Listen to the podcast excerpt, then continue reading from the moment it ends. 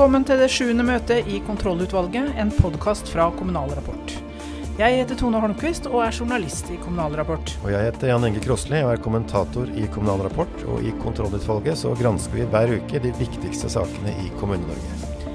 Lønnsoppgjøret har tatt en dramatisk vending. Lærerne og sykepleierne sier nei til forhandlingsresultatet. Hva skjer nå, spør vi KS arbeidslivsdirektør Tor Arne Gangsø. Generalistkommuneprinsippet skal gjennomgås av et statlig utvalg. Kanskje blir små kommuner fratatt oppgaver. Vi spør Bent Aslak Brandtzæg ved Telemarksforskning om det er lurt.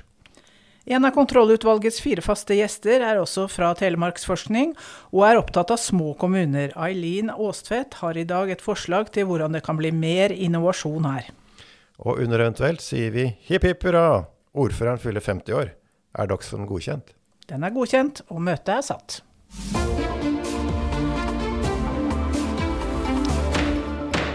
For en drøy måned siden kom KS, LO, Unio og YS fram til en forhandlingsløsning i kommuneoppgjøret. Og i det helt spesielle koronaåret med økonomisk nedgang i næringslivet og ganske bunnskrapte kommunekasser, så ble resultatet som venta på nivå med frontfaget 1,7% lønnsvekst. Nå er uravstemningen ferdig, og oppgjøret har tatt en dramatisk vending. To store Unio-forbund har forkasta resultatet, lærerne i Utdanningsforbundet og Sykepleierforbundet. Og nå blir det mekling, og hva vil skje videre nå, arbeidslivsdirektør Tor Arne Gangsø i KS? Ja, det er jo riktig som du sier, at vi har kommet i en litt sånn uventa situasjon med at uh, det som var en omforent og anbefalt forhandlingsløsning, plutselig har blitt uh, avvist av to av våre forbund. Og vi har jo en litt sånn komplisert forhandlingsordning i kommunal sektor, fordi at vi forhandler jo med fire hovedsammenslutninger. Men vi inngår eh, tariffavtaler med 40 stykk. Så alle forbundene har alle vetorett? Forbundene har på mange måter en slags uh, rett til å si ja eller nei til det anbefalte forslaget. Og så er det jo, som du sa, to av forbundene i forhandlingssammenslutninga. Unio har nå sagt nei. Det er Utdanningsforbundet og Sykepleierforbundet. Og det betyr i realiteten at vi må gå en meglingsrunde. Den er avklart allerede til 20. november. Eh, 20. og 21. november. Det blir en kort runde, ikke sant? hvor man prøver å se om det er grunnlag for det. Det er vel ikke uvanlig at en megling varer sånn ca. i to dager i kommunal sektor. Mm. Nå har vi heller ikke så lang erfaring med å megle i kommunal sektor. Vi um, har stort sett klart å forhandle oss fram til gode løsninger, men denne gangen så ser det ut som det har blitt ganske komplisert. Men har de noe å hente, da? Har dere noe å, å gi på penger eller andre, andre ting man kan gi? Vi vil jo uansett være opptatt av å finne en løsning, men det er klart at uh, hele norsk arbeidsliv har jo vært opptatt av å være lojal i forhold til frontfagsmodellen denne gangen. og Vi har jo en historie i kommunal sektor som tilsier at vi har lagt sånn ørlite over frontfaget og jeg vil understreke ørlite, men over mange år nå så har den situasjonen vært der. Så det var maktpåliggende for oss å være lojale i forhold til frontfaget denne gangen. Eh, både av hensyn til norsk økonomi og den vanskelige situasjonen som landet er i, men kanskje først og fremst fordi at kommunesektoren opplever en økonomisk utfordring der man står i spagat. Veldig usikker økonomisk situasjon i veldig mange kommuner, da. Mm. Men kan du forstå sykepleierne og lærerne? De har gjort en veldig ja, en ekstraordinær innsats under koronakrisen. Eh, de forventer å få noe igjen, kanskje? Du vet du hva, jeg opplever at alle ansatte i kommunal sektor har gjort en umåtelig ekstraordinær, stor, viktig jobb. Enten man er sykepleier, lærer, førskolelærer, renholdsbetjent, ingeniør. Altså Dette har vært en voldsomt fantastisk dugnadsinnsats. og Det er kanskje en av grunnene til at Norge kan si at vi selv om vi opplever krise i dette landet også, så har vi jo håndtert dette på en helt annen måte enn resten av verden. Så det er grunn til å være stolt av alle ansatte i kommunal sektor. Og jeg klarer egentlig ikke å si at den ene yrkesgruppa har gjort en, mer, en viktigere jobb enn andre. Det er noe med Vi er rett og slett avhengig av hverandre eh, i kommunal sektor. Uten alle de yrkesgruppene vi har, så blir det ingen gode velferdstjenester. Men Utdanningsforbundet skriver på nettsidene sine at uh, at lærerne har gjort mye gratisarbeid altså, som ikke de har fått betalt for. Er det riktig, og, og, er det riktig?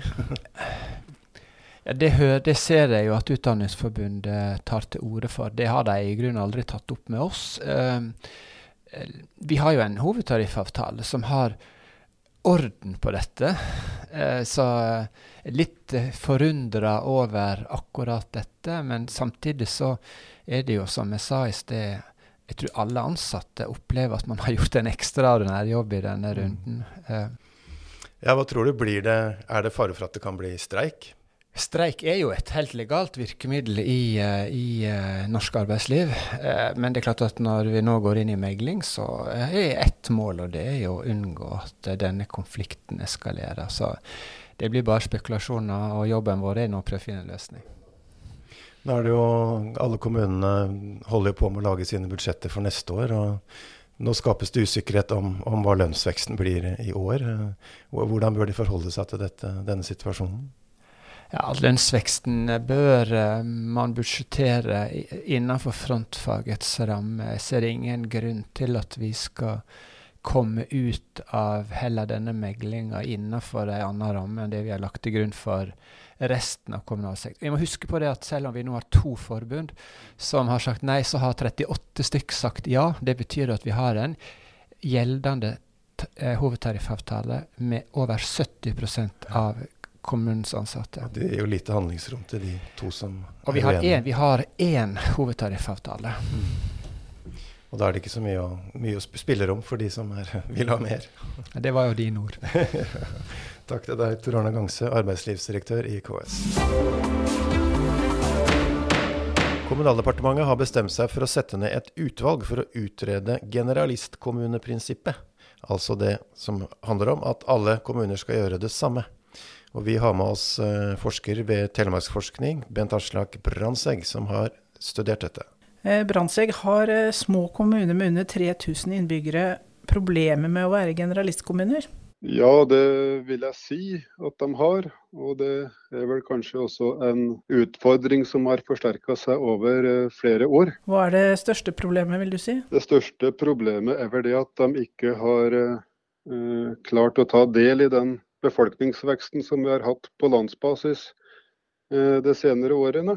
Og utviklingen har vært slik at den største veksten har kommet i og rundt de store byene, mens de små kommunene gjerne har blitt eh, mindre. Og det er klart at i takt eh, med utviklingen av velferdsstaten og stadig nye oppgaver til, og økende krav til kommunene, så har det blitt mer krevende for de små. Da. For små kommuner har jo små sårbare fagmiljøer. Og det er klart at uh, det er vanskelig for små kommuner å tilpasse både tjenester og fagmiljø til et sånt stadig synkende folketall og stadig flere oppgaver som det stilles uh, krav til.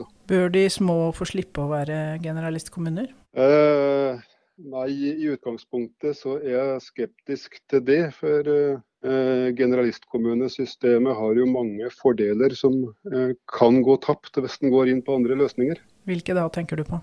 Eh, nei, Det mest nærliggende hvis en skal gå bort fra generalistkommunesystemet, det er jo kanskje å tenke seg oppgavedifferensiering. Alternativet er at staten eller fylkeskommunen overtar oppgaver. Et alternativ er jo også da å øke det interkommunale samarbeidet. Eh, som da må i tilfelle eh, det må samarbeides på en mer systematisk og helhetlig måte enn det som man gjør i dag. Ja, Hva betyr det egentlig? Altså Fastere samarbeidskonstellasjoner, eller? Litt uh, mer fastere samarbeidskonstellasjoner, ja. Uh, kan, som gir grunnlag for å få til en mer helhetlig styring og koordinering av det samla uh, samarbeidet. I dag er jo en del kommuner som samarbeider litt i ulike retninger, og det er vanskelig å få til helhet, styring og kontroll på, på samarbeid. Hva går tapt med generalistkommunesystemet hvis de små ikke skal være en del av det? Eh, nei, Hvis du f.eks. velger å gå inn på det med oppgavedifferensiering, eh, så eh, vil jo det berøre en del spørsmål knytta til det med likeverdighet mellom kommuner. Eh, det kan også berøre en del demokratiske spørsmål, og også hvordan kommunesystemet skal forvaltes. En av de store fordelene med generalistkommunesystemet er jo at du har lik forvaltning, det er lik lovgivning, like retningslinjer. Inntektssystemet er likt. og Hvis en skal begynne å endre på det, så vil du få et veldig komplekst, mm. komplisert og uoversiktlig forvaltningssystem, rett og slett.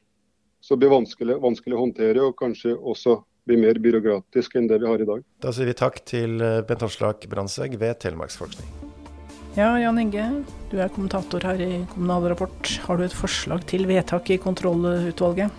Generalistkommunen er død, Nei. mener jeg. I realiteten, da, fordi så mange kommuner er avhengig av hjelp fra, fra andre kommuner, større kommuner, for å løse oppgavene sine. Um, og det var meningen at kommunereformen skulle gi større og sterkere kommuner som kunne klare å gjøre det de skal uh, sjøl, i hvert fall det aller meste. Men fortsatt så er det jo en tredel av kommunene har under 3000 innbyggere. Og da må regjeringen se på andre løsninger som kan sikre at alle får de velferdstjenestene de, de skal ha. da. Men tror du at generalistkommuneprinsippet ble avskaffa? Ja, det er ikke politisk flertall for å avskaffe det, men det kan bli aktuelt å gjøre flere unntak for kommuner som ikke klarer å levere godt nok. Og det er hvis Erna får fortsette som statsminister. da, altså Hvis det blir regjeringsskifte neste høst og Senterpartiet kommer inn, så blir jo dette lagt i skuffen.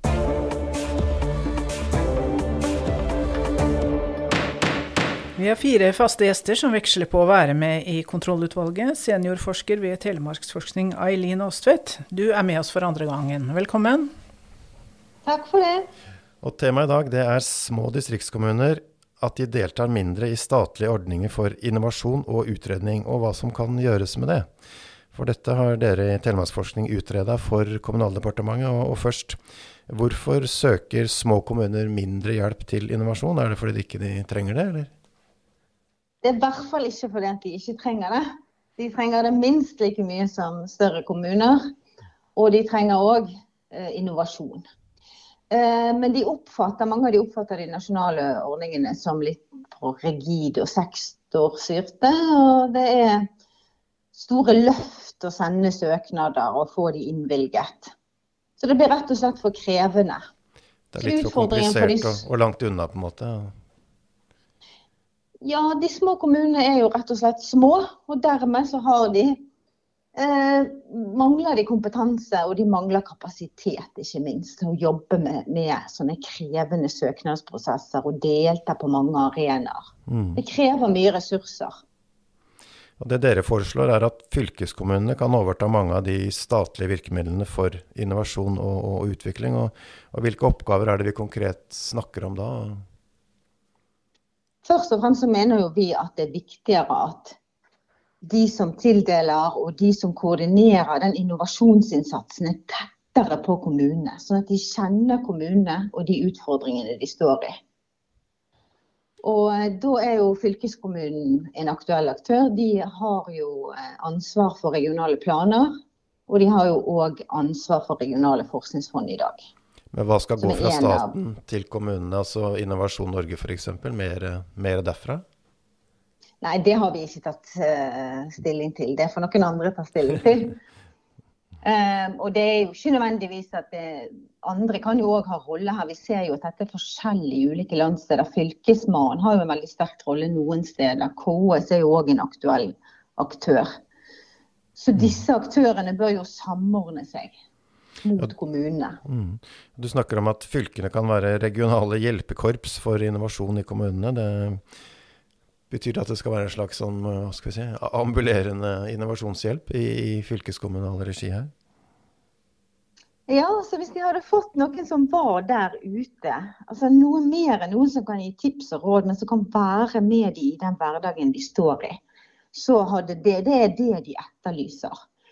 Og det er jo mye penger i dag som går til å utvikle nye innovasjoner. Det er det man får penger til. Men for de små kommunene så er det vel så viktig å implementere andre sine innovasjoner. Og så ta det i bruk. Hvordan skal vi nedskalere det til vår virksomhet? Og ikke minst, hvordan skal vi ta ut gevinstene? Dette er det nesten ikke virkemidler til i dag. Da sier kontrollutvalget takk for denne utredningen fra Eileen Aastvedt og forslaget om å overføre mer innovasjons myndighet til fylkeskommunene. Ja, Har du noe til eventuelt, eh, Tone? Ja, det, nå skal vi snakke om 50-årslag. Når en eh, ordfører, ordfører, fyller 50 år, så syns jeg det er eh, rett og rimelig at du bruker 1000 kroner per år av kommunens penger til å feire det. Altså 50 000 kroner, som Ringsaker brukte på å feire ordfører Anita Ilens bursdag. Nettopp. Og nå lager lokalavisa bråk med at ordføreren gjennom 13 år får en lunsj på kommunens regning. Ja, Ringsaker Blad mener det sender helt feil signal å feire ordførerens bursdag for kommunens penger, samtidig som det legges ned skoler og kuttes i budsjettet. Og det er jo lett å være enig i. Ja, men det er ganske vanlig, er ikke det? At man feirer 50-årslag på den måten? Nei, det er ikke det, gitt. Jeg sjekka medieklipp de siste par åra, jeg har ikke funnet noen som har så flotte feiringer som på, på Ringsaker. Og i et lukka selskap da, for uh, ordførervenner og, og naboordførere. Det, det er mest enkle kakefeiringer når ordføreren fyller runde år. Jan Christensen, f.eks., ordfører i Lyngdal, fylte 60 år i august i fjor. og Da var det rød løper utafor rådhuset, marsipankake og kaker. Men det var for ansatte og, og andre politikere. Men, eh, ja, det stemmer. Og så var det hun Lene Coloradi Asker. ikke sant? Hun fylte jo 50 i 5. mai. Og der var det Høyre, partiet, da, som sto for feiringa. Ja, fire partitropper som, eh, nei, partifeller troppa opp hjemme med bursdagsfrokost. Og så var det videohilsener fra Asker-folket og politikerkollegaer og ansatte. Og statsministeren, selvfølgelig, siden det var Høyre.